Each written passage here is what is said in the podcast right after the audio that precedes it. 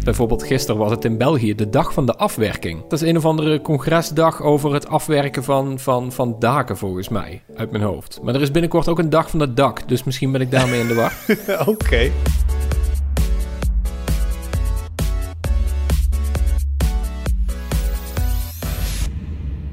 Hoi, leuk dat je luistert. Welkom bij een nieuwe aflevering van de Tweakers Podcast. Mijn naam is Wout. Vandaag zit ik in de podcast met Julian Huibrechts Hey.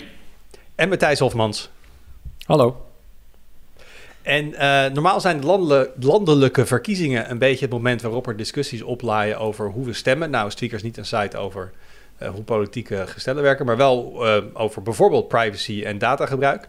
Ehm, en er is natuurlijk altijd een discussie over hè, stemmen nou vers papier of stemcomputers en hoe veilig zijn die computers. Ehm, maar dat we nu geen grote landelijke verkiezingen hebben, betekent niet dat hier geen dingen gebeuren. Want deze week vonden de gemeentelijke herindelingsverkiezingen plaats. Daar gaat Thijs zo meteen veel meer over vertellen, dat weet ik daarvan. En dat is ook wel een goede aanleiding om het weer eens te hebben over die digitale component van onze verkiezingen. En wat er, eh, wat er allemaal speelt op dit moment. Maar voordat we dat gaan doen, gaan we natuurlijk naar de highlights. En laat ik hem even aftrappen bij, eh, bij Julian deze week. Ja, ik heb heel veel, eh, heel veel interessant nieuws meegenomen. Deze week werd namelijk bekendgemaakt dat er een tv-serie komt van de allerbeste film aller tijden. Eh, dus ja, dat is heel mooi nieuws. En ja, ik zie jullie allebei heel... Een eh, tv-serie van de allerbeste... Is er een tv-serie van Die Hard?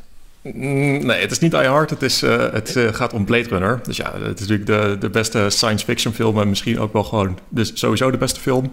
Want ja, nee, Nee, dat, is, dat is 80 als we IMDb mag geloven, is het voor mij al jaar op rij, is het Shawshank Redemption. Ja, oké. Maar Blade Runner doet het ook aardig goed. En zeker onder tweakers is dat natuurlijk een geliefde, een geliefde film. Eh, fantastische science fiction film. En eh, Ridley Scott, de regisseur van het origineel, die eh, zegt dat er een tv-serie aankomt. Het is nog niet bekend waar, wanneer en hoe en wat. Maar het zullen ja, tien afleveringen van een uur worden. Ehm, ik weet ook niet precies of het dan gewoon weer de vertelling van het originele verhaal wordt... of een soort van vervolg of, of wat dan ook. Maar ja, een soort van reboot, remake als tien episode serie. Dat, Ma- ja, ik dat hier zie ik wel ehm, ik denk dat dit het eh, precieze punt in de podcast is waarbij ik een bekentenis moet doen. Oh nee, Ik heb, ik heb Blade Wout. Runner nog nooit gezien. Zowel het Wout, origineel met Harrison wegwezen. Ford niet, als de als de nieuwe 20 film met Harrison Ford. 49 niet. Ehm, mijn excuus, dus ik ga En nu je een hebt paar ook domme de, klassieke. PC-game niet gespeeld? Nee, Ai, ai, ai. nee, ik Die- val die heb heel ik dan hard ook weer niet mand op dit gespeeld. Ehm, maar ik weet wel, je hebt het origineel met... met ehm, eh, er zit ook Rutger Hauer in, volgens mij, Ja. toch? Nou, het mooie van die film is, eh, vind ik, en het- het wil meer science fiction eh, films hebben, dat, dat je zeg maar, je hebt de mensen en je hebt de androids. En de androids zijn dus geen mensen, dat zijn robots. Niks spoilen, Maar- hè, want ik heb dit dus nog nooit Dat maakt niet uit, want dat is gewoon het verhaal. als je daar nu nog mee moet Ehm, komen, en- dan is dat... eh, Het is ook al die films Ja, uit, de, uit de jaren tachtig, dus Je inderdaad. mag geen eh, co- spoilers callen op dingen van een paar decennia oud. Oké, dat is wel fair. Eh, maar dus eh, in plaats van dat, je, dat ze dan die mensen, of de, de, de, de androids, zeg maar, een soort van CGI proberen na te maken met robots, zijn dat ook gewoon acteurs en zijn ook gewoon mensen. Maar ehm, ja, als je verhaal maar goed genoeg in, in elkaar zit en de acteurs goed genoeg zijn, dan denk je dus echt van: oké, dit is een mens, maar dit is geen mens. En ehm, ik vind Het dat is een beetje met, eh, met, met data uit Star Trek. Nou, Dat bijvoorbeeld, dat heb ik dan weer niet gezien. gespeeld. Same. Wat, je hebt geen, wat, nu, je hebt geen Star Trek Precies, gezien? nu komt mijn bekentenis. Ik eh, kijk geen Star Trek, maar goed, ja, het is altijd Ik- Star Wars of. Star Trek volgens mij, dus eh, ik ben weer... aan- Precies. Team Star Wars. Oh, Dus. dit, dit is een, een podcast vol onthullingen, dit. Ja, inderdaad. Maar goed, dus, ehm, eh, en, en dat concept dat zit trouwens ook in, ehm, in eh, Foundation, eh, wat nu op ehm, eh, Apple TV eh, te zien is. Eh, ook een hele leuke eh, sci-fi serie, eh, naar de boeken van, eh, van Asimov. Ehm, en eh, ja, de, de, de science fiction doet het sowieso wel goed de afgelopen tijd. Eh, Maar ik er wil even één vraag tussendoor stellen. Ja? Dus ik weet, je hebt de originele... Sorry, mensen die luisteren die Blade Runner gezien hebben... die denken, Wouter, ben je een... Serieus, ja, ik weet het. Ehm, dus je hebt het origineel. Er is laatst Blade Runner 2049. Was dat een Mhm. remake of een vervolg? Dat was een vervolg. Oké, dat was echt een los verhaal was dat. Ja. Het idee, we weten dus niet of de serie ook een rol in dat, zeg maar, een, een prequel, sequel iets gaat zijn... of dus een remake van een van die twee. Dat is nog niet bekend. Nee, inhoudelijke details zijn er nog niet, maar het is wel ehm, Ridley Scott, dus, de, de regisseur van het origineel, die, die zit dan ook achter de tv-serie. En ehm, die nieuwe film is door eh, Dennis Villeneuve gemaakt, andere regisseur. Dus het lijkt dan logischer dat ze natuurlijk met het eerste ehm, ja, eerste verhaal aan de slag gaan. En sowieso is de hele franchise is, uh, gebaseerd op, op, de, um, op het verhaal uh, Do Androids Dream of Electric, Electric Sheep van de science fiction auteur Philip K. Dick. Um, ja, precies. Nou ja, dus dat, dat is um, ja, een klassiek science fiction verhaal. En, en uh, het verhaal is daar eigenlijk een beetje losjes op gebaseerd. Dus ook de personages in die nieuwe film komen daar weer uit. Dus je kunt natuurlijk ook nog gewoon wat meer personages uh, uit dat originele verhaal pakken en daar weer een serie van maken bijvoorbeeld. Dus daar zit genoeg in om. Uh, ik ik ben daar dus een beetje sceptisch maar jij over. Bent Hebben jullie dat niet? Ik ben een beetje prequel moe, merk ik het idee. Hebben jullie dat niet? Ik heb het idee dat van, van, van alle vette films die er zijn, of in ieder geval van vette personages, dat er dan wel iemand een prequel wil gaan maken dat een beetje de magie wegneemt. En dit, dit, dit gaat nu een beetje weg van, uh, van, uh, van de techkant. Maar bijvoorbeeld, uh, er komt een, een film aan over Willy Wonka. En dan denk ik van, dat is niet nodig. We hebben dat niet nodig om het achtergrondverhaal van Willy Wonka te horen. Want ja, dat, dat is gewoon vet dat hij zo mysterieus. En dat is met Blade Runner ook wel een beetje. Van, je moet dat niet te veel... Ik weet niet. Ik heb niet het idee dat dat nodig is om daar een prequel van te maken die alles uitlegt. Dus ik hoop niet dat dat het wordt. Nou, ik, laat ik zo zeggen, ik herken wat je... Ik, ik denk zeg maar, I'll allow it. Maar ik vind wel dat ehm, de creativiteit, en dat zit hem zeg maar in, hierin, maar dat zit hem ook in games. Hoeveel remakes en remasters van games wel niet uitkomen de laatste vijf jaar. We zijn wel heel erg veel aan het kijken naar dingen die we al gedaan hebben. In plaats van het, het... Er worden ook wel nieuwe dingen gemaakt en nieuwe werelden gemaakt en dat soort dingen. We dachten het ook wel. Maar er, ik zie wel een trend van ja, toch eventjes uh, dingen uh, remaken, remasteren. Uh, zowel in, in, in film als game, denk ik. Maar ja. ja. ik denk aan de andere kant, als er echt iets tofs uitkomt... Ja, dat vind ik ook. Uh, zeker Blade Runner, dat is ook niet, niet echt een franchise die enorm is uitgemolken. Er zijn twee films in uh, 30 Nog jaar niet. verschenen. en blijkbaar een game. Ja, precies. En een game. Maar um, uh, die tweede film was, vond ik ook erg goed. En die, die werd ook gewoon goed ontvangen. Dus dat was ook niet een, een slap aftreksel of, of een slechte remake of wat dan ook. Uh, dus ja, ik, ik heb er wel goede hoop voor. En gewoon sowieso alles met Blade Runner uh, is welkom bij mij. Dus laat maar komen. En jij zei dat dat, dat dat eerste seizoen dat dat tien uur gaat duren. Dat is wel ongeveer even lang als ik voelde dat die nieuwe Blade Runner duurde. Want die was heel erg lang. Ja, maar de, de originele Blade Runner oh, duurt ook drie uur. Het, het zijn hele lange ja, films, maar je moet klopt. een beetje geduld voor hebben voor dat soort. Je moet ervan houden, dat, dat is wel zo. Maar goed. Uh, Heb je even tussendoor, voordat je, ik weet dat je nog een dingetje had. Uh, uh, hebben jullie dat nog? Ik merk wel dat mijn aandachtspannen, zeg maar, met elk jaar dat ik ouder word, gaat er een paar minuten vanaf.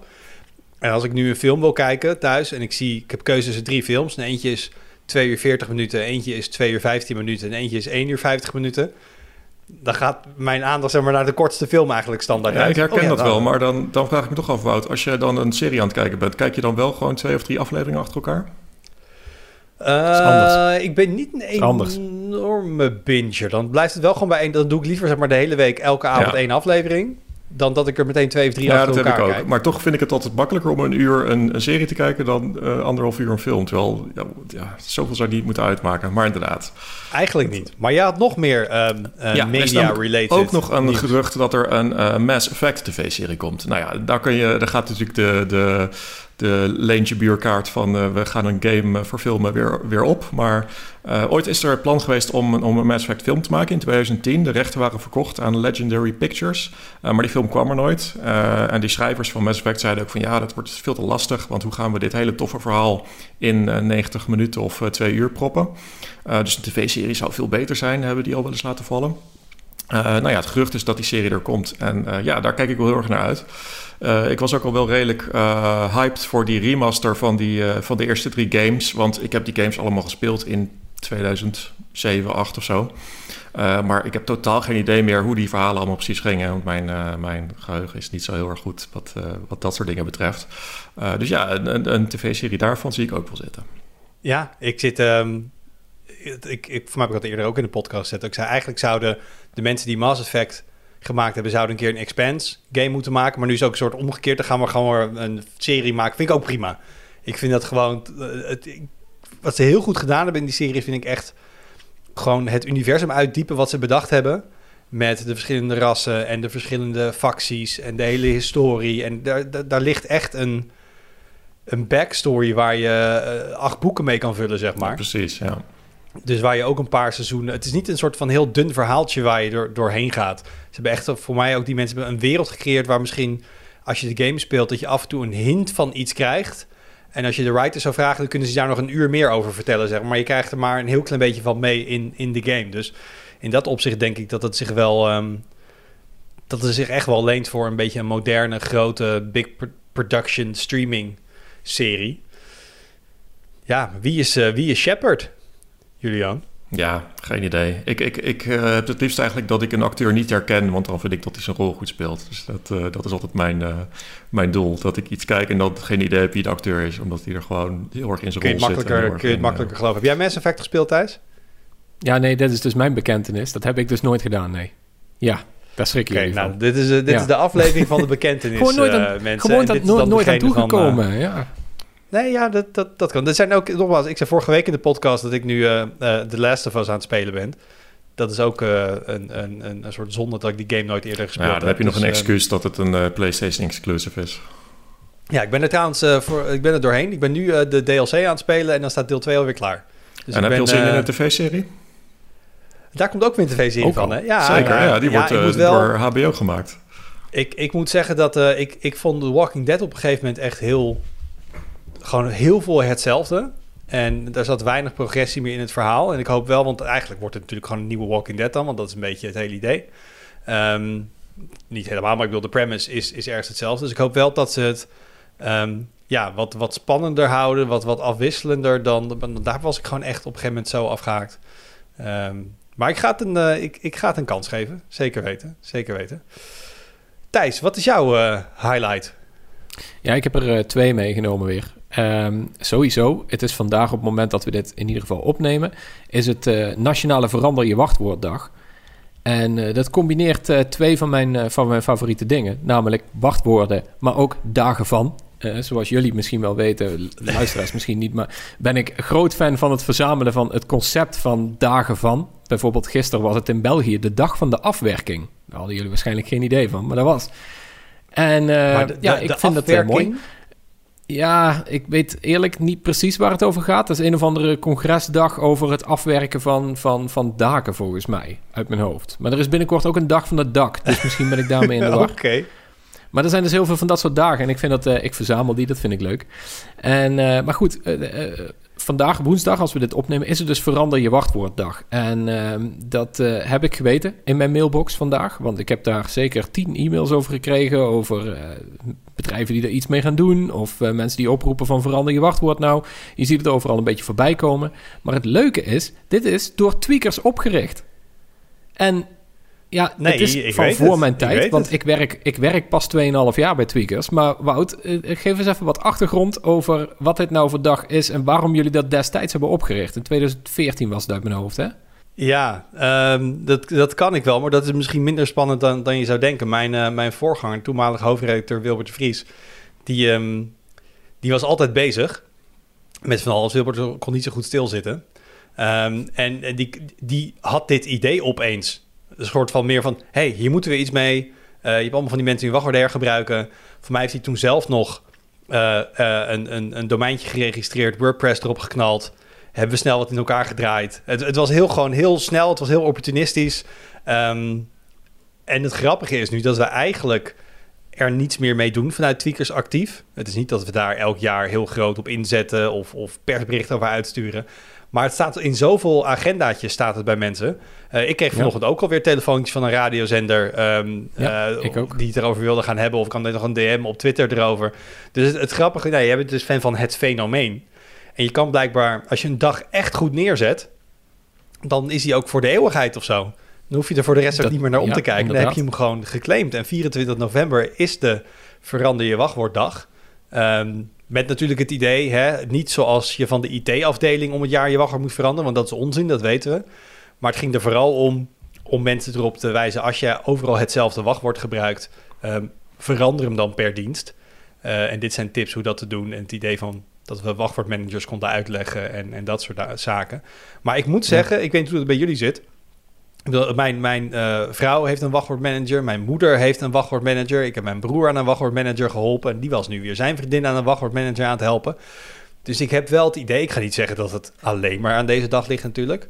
ehm, dat mensen hier wel tegenwoordig, nou, misschien wat, wat slimmer mee omgaan dan vroeger. Maar ik weet niet of jullie datzelfde om je heen zien. Ja, jullie ik- dan een beetje van links naar rechts eh, knikken? Ja, ik, ik vind het moeilijk om het in te schatten hoe dat, in hoeverre dat, dat jouw leefwereld is. En, in, in, en ik denk dat dat heel persoonlijk is inderdaad. Eh, om mij heen zie ik daar niet heel veel bewustwording in. Ehm, ik, ik ben ook niet zelf iemand die daar heel erg, eh, nou ja, mensen dat, dat zeg maar Je aansmeert. evangeliseert dit niet. Nee, nee, eh, nee, maar goed, eh, het is natuurlijk ook, ja, maar ja, ik, ik, ik zie nog wel eens mensen zonder een, een, een lok op hun telefoon bijvoorbeeld. En dan denk ik ook, ja, oké, dan dat is wel heel ernstig. Ehm, maar goed, ja, het, het zou inderdaad wel, het zou ondertussen wel de, de mogen, veranderd mogen worden in de, de dag van de wachtwoordmanager of wat dan ook. Want ja, wachtwoorden veranderen, dat is natuurlijk de grootste onzin, of tenminste de minst veilige oplossing die, die er maar is. Ja, maar jij bent er wel blij mee dus thuis. Nou, ik, ik vind het mooi dat het uiteraard er is. Ehm, maar ik merkte ook wel van... Ik was vanochtend ook eh, bij eh, het Algemeen Dagblad op, eh, op een radiozender. En, ehm, en, en gisteren was ik ook al ergens. En dan hoor je dat de, de heersende opinie... Of de vraag die ze stellen... En dat zijn mensen die dan gewoon het... tussen haakjes gewone publiek aanspreken. Niet de echte typische tweaker. Maar die mensen vragen nog steeds van... waarom is dat nou eigenlijk nodig om een sterk wachtwoord te nemen? En wat is nou je grootste risico? En dan moet je gaan uitleggen van... eh, dan, wordt, dan wordt webshop X wordt gehackt... en dan wordt je op je Facebook Y eh, wordt dat gebruikt. En weet je, dat weten wij al allemaal heel erg lang... maar volgens mij leeft dat nog steeds niet echt... Het, het, het echte risico dat je loopt met eh wachtwoord hergebruik bijvoorbeeld... Volgens mij is dat nog steeds gewoon een risico wat veel mensen lopen. En dat, nou ja, dat is een beetje als, je wat dus, als er nu iemand luistert, kan mij niet voorstellen bij onze doelgroep, die nu denkt, wat is er zo erg aan het hergebruiken van je wachtwoord? Thijs, in één minuut, go. Ehm, eh, als jij overal hetzelfde wachtwoord gebruikt, dan is dat misschien bij de ene toko heel goed beveiligd. Facebook die zorgt echt wel dat jouw wachtwoord relatief veilig is. Met wat haken en ogen. Maar de webshop waar je vijf jaar geleden eens een fly hebt besteld en daarna nooit meer naar hebt omgekeken, daar heb je ook een wachtwoord van gemaakt. Die beschermt dat wachtwoord een stuk minder. Die komen allemaal in een hele grote database. Als je vervolgens, eh, eh, vervolgens worden al die wachtwoorden gebruikt bij zoveel mogelijk accounts. En als jij ze overal hergebruikt, dan ja, zijn ze zo gepakt. Ja, dus als jij inderdaad jouw eh flyshop.nl, geen of dit wat is hoor, no sponsor. Maar eh, als je daar je wachtwoord precies dezelfde combinatie gebruikt als op Facebook en zij worden gehackt, dat komt ergens op het dark web te staan. Eh, criminelen kopen zo'n setje aan eh, gegevens op en die gaan het gewoon bij allerlei diensten proberen. Waar Ja, ze binnenkomen. En op het moment dat jij dan kloppen. inderdaad een, een zwak wachtwoord gebruikt of een veel gebruikte, dan, ja, dan, is dat, dan is dat niet zo heel veilig. Of het is bij mij bij de Adobe hack of bij de LinkedIn hack is bij mij destijds een login wachtwoord combinatie gepakt. Ehm, en op een dag kon ik mijn Spotify niet meer in. Er was gewoon iemand Oh, had ja. ingelogd, wachtwoord aangepast. Ehm, en dat is een van die twee geweest, omdat ik dus hetzelfde wachtwoord destijds, heel lang geleden, toen ik nog heel, heel jong en naïef was, ehm, toen deed ik dat ook. Eh, en toen moest ik heel veel gedoe uithalen bij Spotify om te bewijzen wie ik was en dat ik mijn account terug wilde. Ja. En dat is dan alleen nog maar, ehm, is alleen nog maar Spotify. Maar stel je gewoon eens voor dat iemand hetzelfde wachtwoord gebruikt voor zijn e-mailadres als voor een van die diensten die dan gehackt worden. Want als je iemand zijn e-mail hebt, dan ben je, binnen. Dan kun je namelijk alle andere wachtwoorden gaan resetten. Ja, dan, dan, dan heb je de jackpot te pakken. Precies. Maar goed, ik, ik, ik vind het dus uiteindelijk mooi dat verander je wachtwoorddag bestaat. Ehm, maar de- ook voor tweakers die denken van bij mij zit dat wel goed. Dubbelcheck nog eens heel eventjes van de wachtwoordmanager die ik nu gebruik. Is dat nog wel de beste die er is? Is er niet gewoon een betere? Zou ik niet eens overstappen? Hoe makkelijk of moeilijk is het nou? Eh, zoiets. En, en gebruik het ook om tweestapsverificatie nog eens door te lopen. Van heb ik dat wel overal aanstaan waar het kan? En eh, ik, ik denk dat ook voor tweakers die inmiddels wel een, redelijk goed weten wat goede wachtwoordhygiëne is, dat ze, dat ze ook hier zelf nog wat aan hebben. Dus eh, als je dit luistert, gebruik dit inderdaad om vandaag. Pak eens een uurtje om daar gewoon aan te gaan. Het is niet leuk, maar je veiligheid is wel veel waard. Nou, ik, ik zou zeggen van, hè, eh, is je wachtwoordbeleid echt helemaal but? Begin dan maar eens met die unieke wachtwoorden. Eh, denk je, ik doe het wel goed. Ga maar eens kijken hoeveel dienst je nog hebt met two-factor. Ik denk dat dat gewoon een beetje de En, overdreven en ga eens nadenken over de backup voor je two-factor. Want als je je authenticatie-device, belangrijk, eh, als je die kwijtraakt, dat is nogal een ding. Het, de two-factor Ja. is natuurlijk de oplossing voor het hele wachtwoordenprobleem. Dat vind ik ook super fijn. Ik heb echt een hekel aan wachtwoorden invoeren en, en gezeur met, met, eh, met wachtwoorden. Maar gewoon inloggen via je Apple-account of Google-account of wat dan ook, waar de beveiliging goed op orde is, is gewoon heel efficiënt. Maar ja, wat als je telefoon in het water valt of wat dan ook. Dus Oh, maar dan heb ik nog dat wel een vraag aan hebt. Thijs. Want ik, ik, ik doe dan iets wat denk ik op papier niet het meest veilig is, maar wel het meest praktisch hierin. Ik gebruik mijn eh wachtwoordmanager ook voor mijn two-factor codes. Eh, dat is, bij mij is dat OnePassword. Ehm Mhm. En dat zit dus ook bij hun encrypted zwaar in de cloud.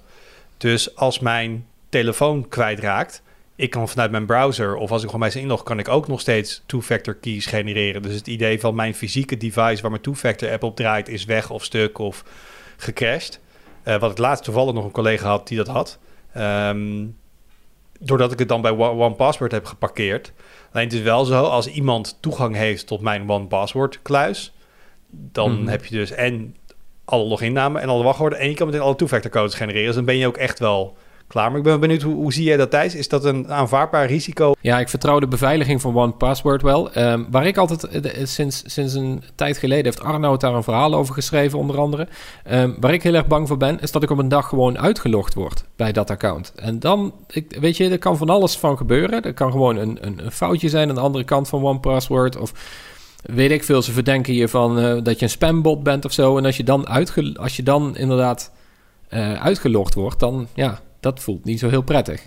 Dat is iets waar ik steeds banger voor Oh, maar je aan het bedoelt meer dat, dat verhaal van Arnoud ging ook over... stelt dat Microsoft zegt dat jij ehm malafide dingen in je mailbox hebt... je hele Microsoft-account gaat op slot en je kan niet meer bij je Xbox games. En dan zou je zeggen dat Ja. OnePassword op een gegeven moment zegt... of LastPass, we hebben een reden om jou uit jouw account te houden. Om wat voor reden dan ook. Of dat jij zelfs dat masterwachtwoord vergeet of zo, dat kan ook nog natuurlijk. Hè?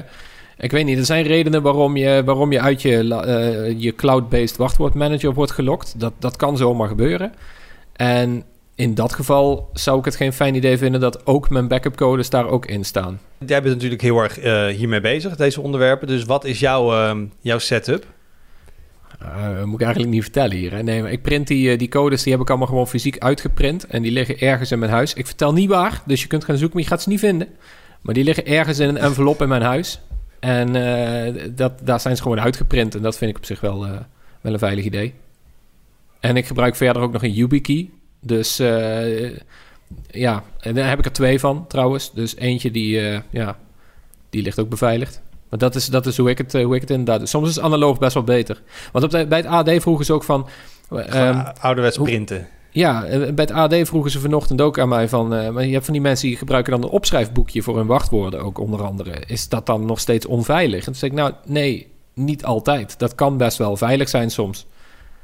Het, het is natuurlijk beter om een wachtwoordmanager, denk ik, eh, een ge- een gewone te gebruiken. Maar een boekje gebruiken is nog steeds Nou ja, beter bedoel, dan... als je bij iemand zijn opgeschreven wachtwoorden wil komen... dat betekent dus dat je toegang tot iemand zijn huis moet krijgen waarschijnlijk. Ja, Ehm, en er fysiek naar binnen moet. En dat is al een flink hogere drempel... als dat je eh, inderdaad in, door een, een, een database dump van gehackte accounts gaat. Het aantal mensen dat binnen een, binnen een omgeving waarin, waarin ze mijn huis kunnen vinden woont, is kleiner dan het aantal mensen dat op de hele wereld woont, dat in principe mijn account zou kunnen hacken, theoretisch. Maar goed, dat is dan, nou ga je het hebben over Ja. threat modeling en dat gaat, eh, dat, dan kun je alle kanten op, denk ik. Maar eh, ja, sta, sta er in ieder geval vandaag eens bij stil. Dat is wat ik eigenlijk wilde zeggen met deze highlight, die ik eigenlijk heel kort wilde houden, maar helaas niet is. Want je had, je had nog iets wat je wilde melden, toch? Ja, daar hebben we helemaal geen tijd meer voor, volgens mij. Ehm, ja, ik vond, het, ik vond het gewoon wel opvallend dat... Joh, gewoon doen. Nou, heel kort dan. Ehm, de Schwartz Groep, die, gaat, eh, die heeft een security bedrijf overgenomen, kwam ik gisteren achter. En nou, dat is sowieso een vrij, vrij generieke overname die je heel vaak hoort. Maar de Schwartz Groep, die ken je waarschijnlijk niet, maar je kent wel de bedrijven die ze uitbaten. Dat is namelijk het moederbedrijf van onder andere de Lidl. En die hebben dus voor 700 miljoen of zo, hebben die een of ander security bedrijf gekocht. Onder andere om te zeggen van wij gebruiken steeds meer, eh, weet je wel, klantprogramma's en, en omdat je een online account kan maken bij de Lidl, die moeten we beveiligen. Goeie deal. Maar ook omdat die dus een eigen cloud provider gaan opzetten. En dat vind ik dus wel een interessante, omdat dat, dat was ook al bekend. Maar die, daar hebben ze dus nu een security bedrijf voor gekocht die daar meer op moet gaan letten. Maar de Lidl, die gaat dus straks gewoon een soort AWS-kloon aanbieden. En dat vind ik toch wel mooi, dat dat gewoon een Europees alternatief wordt voor die grote techgiganten. Ik hoop echt dat dat wat wordt, stiekem. Ik vind dat heel mooi. Jij kijkt heel verbaasd. eh, Sorry. Het merk Lidl, nu eventjes in mijn hoofd moet ik nu gaan samenvoegen met een serieuze clouddienst. Nou ja, dat is net zoiets als een boekenwinkel die, die een clouddienst start. Dat is, dat is Amazon is natuurlijk ook gewoon ooit uh, een webwinkel voor boeken. En dat is nu de grootste clouddienst. Um, wat is het verschil? Dus wat dat betreft vind ik het wel een mooie, uh, mooie vergelijking eigenlijk. Het bedrijf zegt inderdaad van we, gaan, we willen diversificeren. Nou, we willen dus meer online gaan doen. Dat je sowieso in je supermarkt meer met data gaat doen en meer met klantgegevens en dat soort dingen. Dat, dat is heel logisch, want dat doen alle supermarkten. Maar inderdaad, dat je dan overstapt op cloud-based of cloud uh, computing. Ja, ik vind dat inderdaad best wel een, een, logische zet als jij daarin kunt investeren. Dus ik vind dat, ik vind dat mooi dat dat, uh, dat dat gaat gebeuren. Want we hebben namelijk, dat is natuurlijk een heel ding. Als je het hebt over Europese soevereiniteit, dan dan hebben wij niet zo heel veel op dat gebied. En er zijn wat van die plannen om inderdaad, uh, om, om, om bijvoorbeeld een Gaia X op te zetten of zo. Weet je wel, allemaal van die, van die hele nobele ideeën die vanuit Europees hoog niveau worden gebracht van we moeten een eigen Europese clouddienst. En je ziet dat dat gewoon verzandt in bureaucratie en dat lukt allemaal niet. En nu is er een bedrijf dat gewoon zegt van wij gaan een AWS-clone bouwen. Ja, ik, ik hoop dat dat soort dingen werkt. Ik hoop dat dat een uh, succes wordt. Zou wel mooi zijn. Ik had ook, uh, dit is de week van de dubbele highlight volgens mij. Dus uh, ik uh, doe daar ook gewoon uh, twee. Ik, het, het viel mij op deze week. Ik moest een, een SSD'tje hebben. Ik heb een kleine thuisserver. die draait mij in de meterkast. En er zat nog een 32 gig SSD. Een super oude. Nou, voor een wow. Windows boot drive is dat wel heel krap. Die was het aan het zeuren dat hij vol was. Dus ik oké, okay, ik wil een... Um, gewoon simpel, goedkoop, 2,5 inch SATA. Echt gewoon hard drive replacement. Niks minder, niks meer. En ik heb nu gewoon voor 24,99 euro een 240 gig SSD gekocht. En ik, ik zag dat en ik dacht, heb ik even zitten slapen. Wanneer is dat mogelijk geworden? Nou ja, euro per gigabyte. Dat is op zich uh, al best wel lang zo, toch? Is, ja, ik, ik, heb, ja, ik zat natuurlijk ook de laatste toen ik een beetje naar SSD's keek. Ik was meer voor een primair systeem. En dan kijk ik naar NVMe SSD's. Dat was een beetje de markt die ik aan het volgen was. Ja. Maar gewoon echt de, de markt van... Um, ja, van hard drive replacement. En het, is nog, dat is ook een Kingston. Er waren nog wel goedkopere drives, maar dat was dan van een van de Hakitaki merk. Dat vertrouwde ik niet. Maar gewoon 25 euro voor 250 gig. Ik, uh, ik, ik was gewoon even helemaal verbaasd van, zijn we hier al op dit punt aanbeland? Ik heb meteen de price wat gekeken. Is dit dan al hetzelfde of goedkoper dan een, fysieke drive? Nee, dat nog niet. Um, maar ik denk als je een super goedkoop, onbekend merk SSD koopt, dat je al bijna op vergelijkbare kosten zit als, als platters. Want ja, uiteindelijk je, je, je basiskosten voor een fysieke drive met, met een leeskop en plat en al die andere dingen ligt natuurlijk hoger dan een paar flashchips op een ja. PCB. Geldt natuurlijk wel alleen voor de, de grote hoeveelheden of de, de kleine hoeveelheden. Want als jij een, uh, een 8 terabyte uh, harde schijf koopt, nee, uh, dat is dan, gigantisch veel goedkoper dan, ja, een, helemaal, helemaal dan waar. 8 terabyte SSD. Um, helaas. Maar goed, dat, dat blijft nog steeds een beetje het, het lastige punt. Echt alles boven de 2 terabyte, dat is in SSD Is, is nog steeds duur. Maar voor een bootdriveje, dus ik heb er ook niet over nagedacht. En want toen dacht ik nog, moet ik nog gaan wachten op een goede Black Friday aanbieding? Toen dacht ik, ja jongens, voor 25 euro. Um, en dat is mijn bruggetje naar mezelf. Want uh, neem dit op op de woensdag. En we zijn door de jaren heen een beetje um, gewend geraakt dat Black Friday is van een dag naar een week gegaan. Uh, en dan heb je de hele week lang de meest geweldige aanbiedingen. Nou, we hebben natuurlijk op de site hebben we een heel overzicht daarvan gemaakt op basis van historische PriceWatch data. En dat vind ik toch leuk om elke dag een beetje in te grasduinen en te kijken van, nou, wat zitten daar nog leuke dingen tussen? Hoe goed zijn die deals? Maar ik weet niet of jullie dat ook een beetje doen. Maar ik vind het dit jaar tot nu toe... Ik moet heel erg zeggen, Black Friday is nog niet geweest officieel. Dus we hebben het over de aanloopweek. Maar ik, ik, ik weet niet wat jij een beetje in de gaten houdt, Jules. Maar ik word er nou niet heel vrolijk van tot nu toe. Ja, ik kijk altijd wel, maar ik heb dit jaar eigenlijk ook helemaal niks nodig. Dus het, dat uh, weerhoudt mij er ook van om het heel goed in de gaten te houden.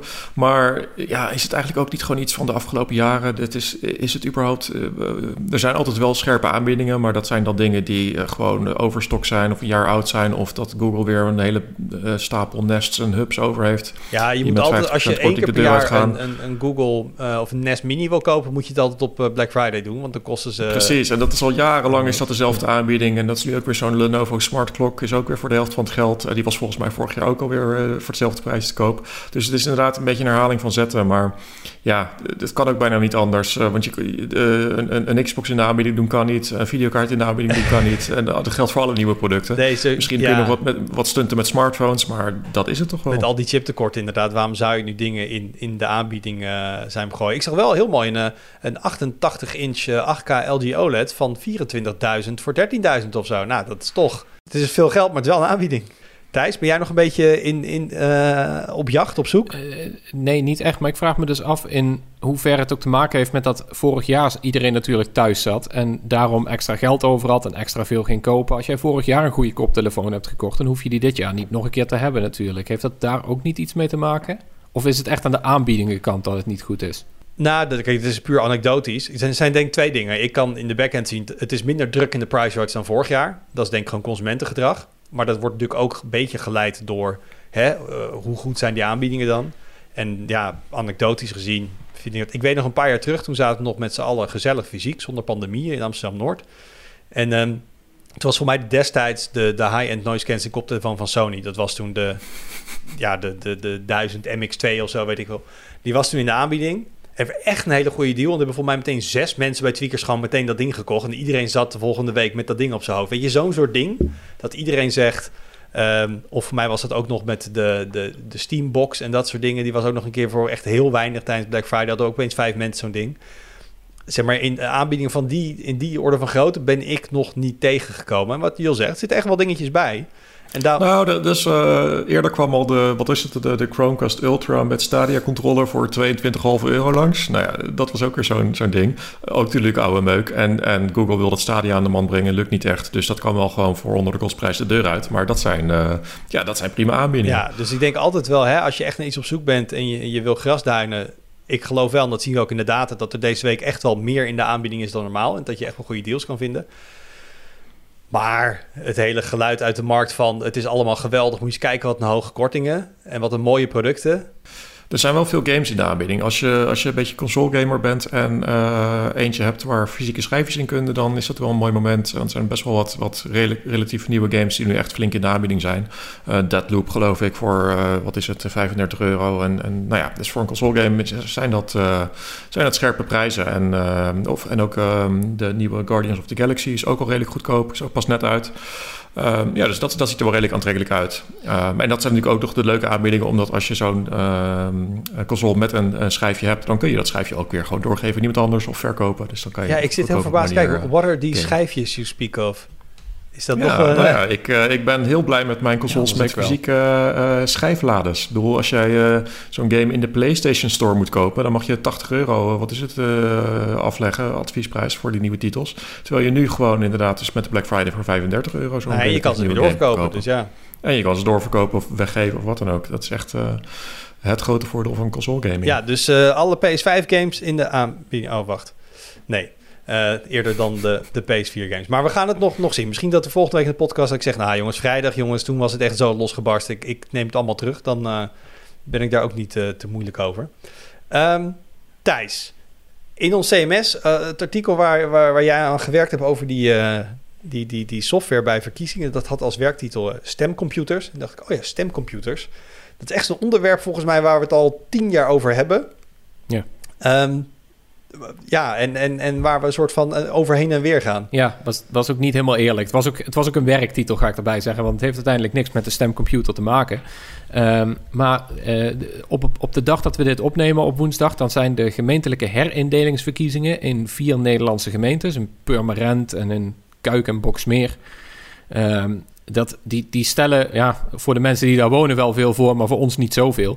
Maar dit zijn eigenlijk de eerste verkiezingen die we hebben sinds de Tweede Kamerverkiezingen van maart. Je zou bijna vergeten dat die ooit nog gehouden zijn. Um, en um, tijdens die verkiezingen gebruiken wij dus toch wel software. En um, uh, je kent dat debakel nog van, van de stemcomputers. Dat speelde 10, 20 jaar geleden misschien wel. Toen gebruikten we ineens stemcomputers die bleken niet heel veilig te zijn. En vanaf dat moment was er altijd een beetje de heersende opinie ook van stemmen. Dat doe je gewoon met, met potlood en, uh, en een stembiljet. En daar moet geen software aan te pas komen. Dat moet je niet met een computer doen.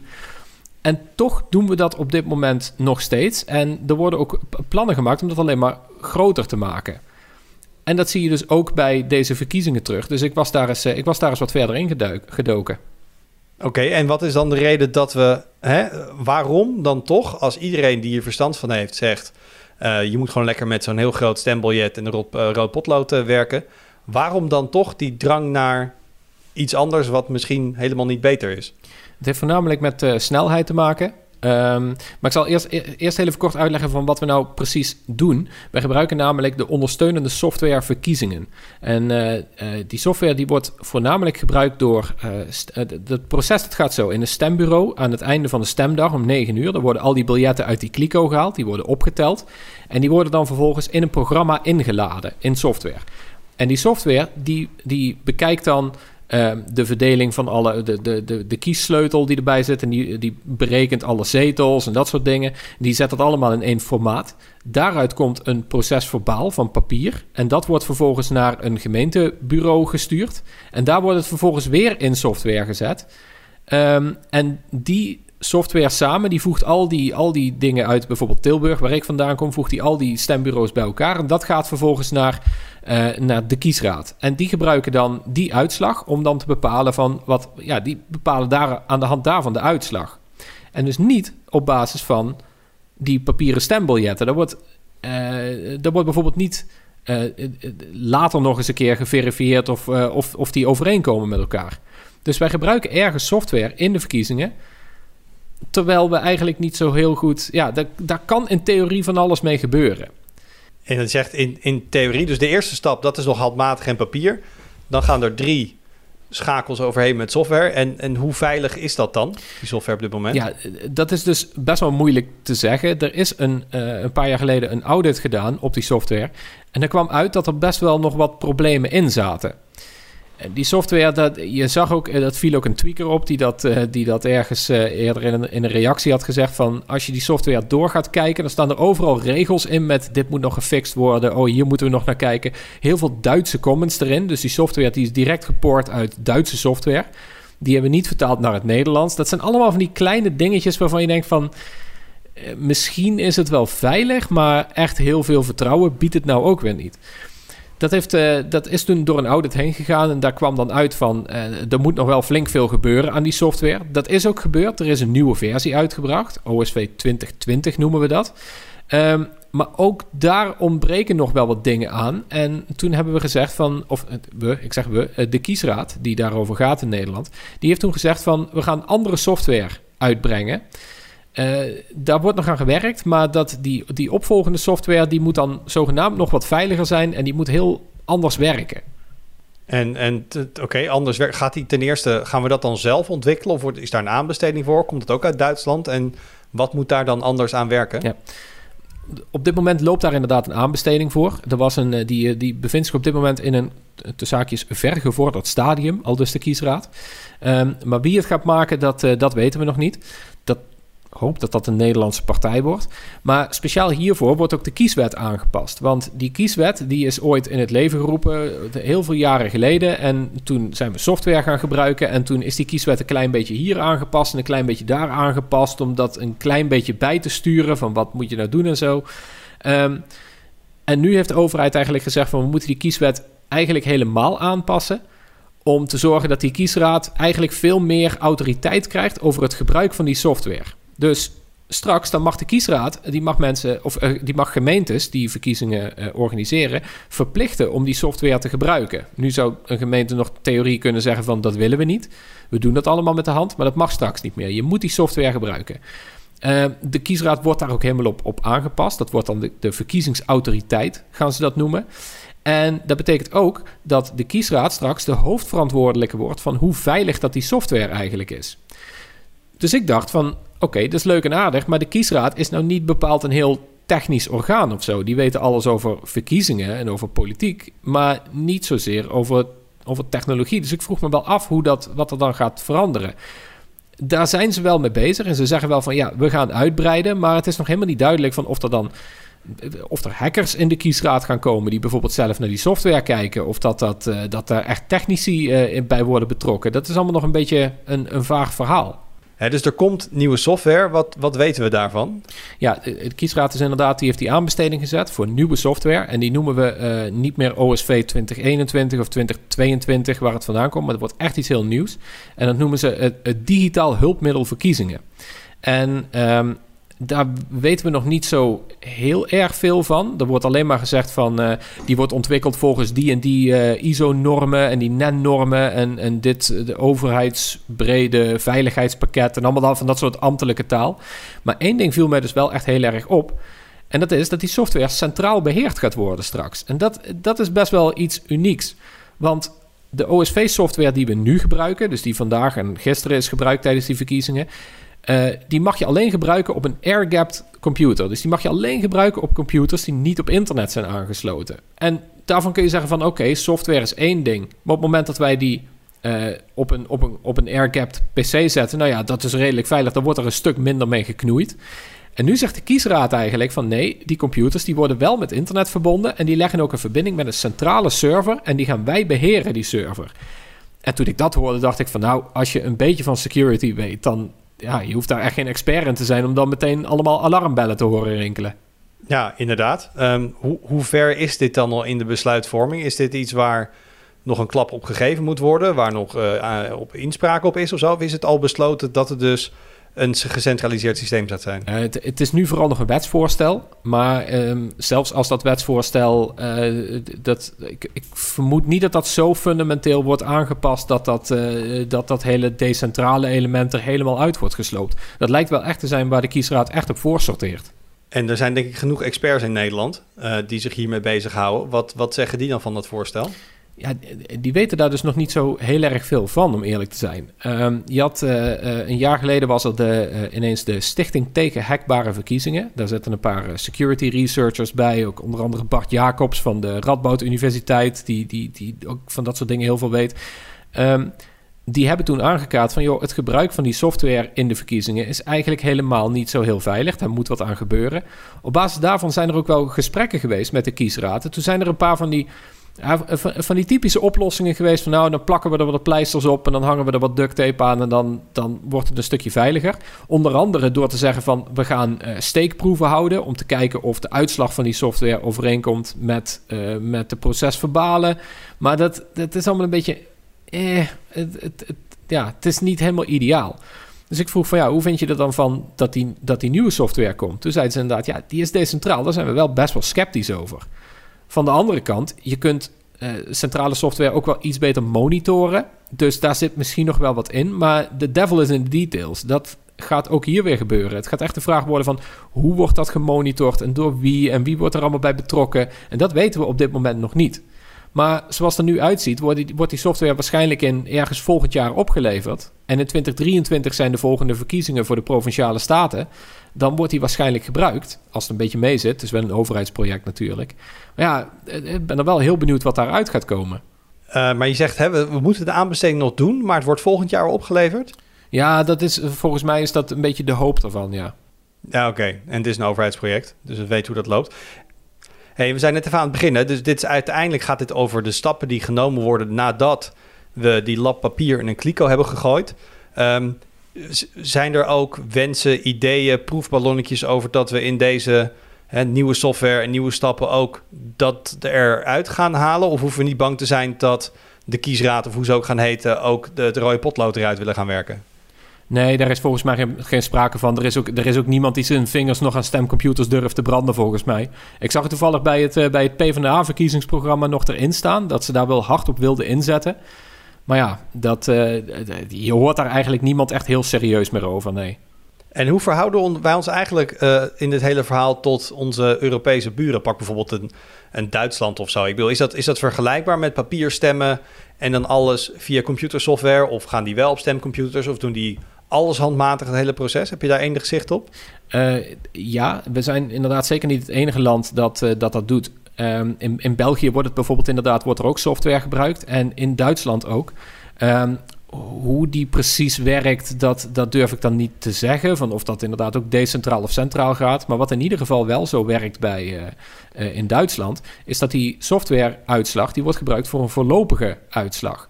Dus op basis van die, van die uitslag zeggen ze dan van, uh, van uh, oké, we gaan formeren en, en, en dan, hè, dan hoor je s'avonds in het journaal wat de uitslag is en dat soort dingen. Maar uiteindelijk is er dan nog een, een proces waarbij al die biljetten alsnog handmatig worden geteld en dat wordt dan pas na een hele lange tijd echt officieel gemaakt en dan is dat de officiële uitslag. meestal verschilt die niet zo heel veel met de uitslag van, van die software. Maar stel dat, dan dan wordt dat de uitslag. En dat is eigenlijk wat we hier in Nederland ook zouden moeten doen. Maar de politiek heeft eigenlijk gewoon besloten van... nee, wij willen die uitslag zo snel mogelijk hebben. Dat moet, dat moet binnen een paar uur nadat, uh, nadat de stembureaus sluiten. Dat moet binnen 24 uur of 48 of 72 uur of zo. In ieder geval heel snel. En als we nou zouden zeggen van... Uh, de, de, officiële uitslag die mag een maand of zo na de verkiezingsdag mag die bekend zijn. Dan kun je zeggen van oké, we gaan op basis van die software af. Maar daarnaast tellen we al die biljetten nog eens een keer handmatig voor de zekerheid. Want dan weten we het echt zeker. En dat wordt dan geratificeerd als de officiële uitslag. Idealiter zou je dat hebben. Dat is hoe ze het in Duitsland doen. En, en even eerlijk, het is ook niet alsof ze in die maand meteen gaan formeren bij ons. Want daar zijn ze ook een jaar mee bezig. Dus die ene maand op je uitslag wachten terwijl je die formatie aan het opstarten bent, dat moet ook gewoon wel lukken, denk ik. Ja, dat zou je wel denken, ja. Ja, alright. Dus uh, volgend jaar, als alles mee, uh, mee zit, dan, dan is de software. Dus ik denk dat uh, dan meer duidelijk is. En dat jij thuis dan ook wat verder, wat verder induikt, zodat we het in 23 kunnen gaan gebruiken. Dus laten we die ontwikkelingen verder volgen. Dan wil ik nog even vooruitkijken naar wat er op de, de site verschijnt. Zoals ik net zei, we zitten in de week van Black Friday. Um, dus als je de podcast op donderdag luistert, um, op vrijdag dan uh, is Black Friday. Dus dan zie je bij ons weer ons overzicht op de site staan. Verder hebben we de komende tijd nog een, uh, een leuk stuk over uh, op zaterdag van Thomas over anderhalf jaar Amazon in Nederland. Er was heel erg lang veel te doen over wat ging Amazon in Nederland doen. Je had heel lang Amazon.de. Toen gingen ze pagina's vertalen. Toen werd het een soort van Nederlands. Nou, toen hadden ze het Nederlandse introductie.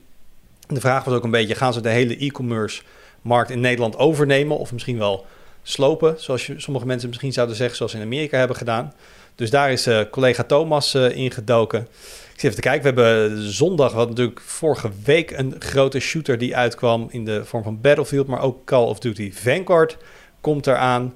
We hebben nog een leuke gift guide volgende week op basis van jullie suggesties weer, van onze luisteraars en lezers, van wat zijn toffe cadeautjes die je elkaar wil aanraden. Dus um, er, zit, uh, er zit genoeg in de pijplijn voor de komende, voor de komende week en de komende weken zelfs ook. Richting het einde van het jaar. Um, dan rond ik hem af. Dankjewel jongens. Dankjewel voor het luisteren. Uh, als je feedback hebt, dan kun je altijd een comment achterlaten op de website of ons mailen op podcast.tweakers.net. En we zien je volgende week weer.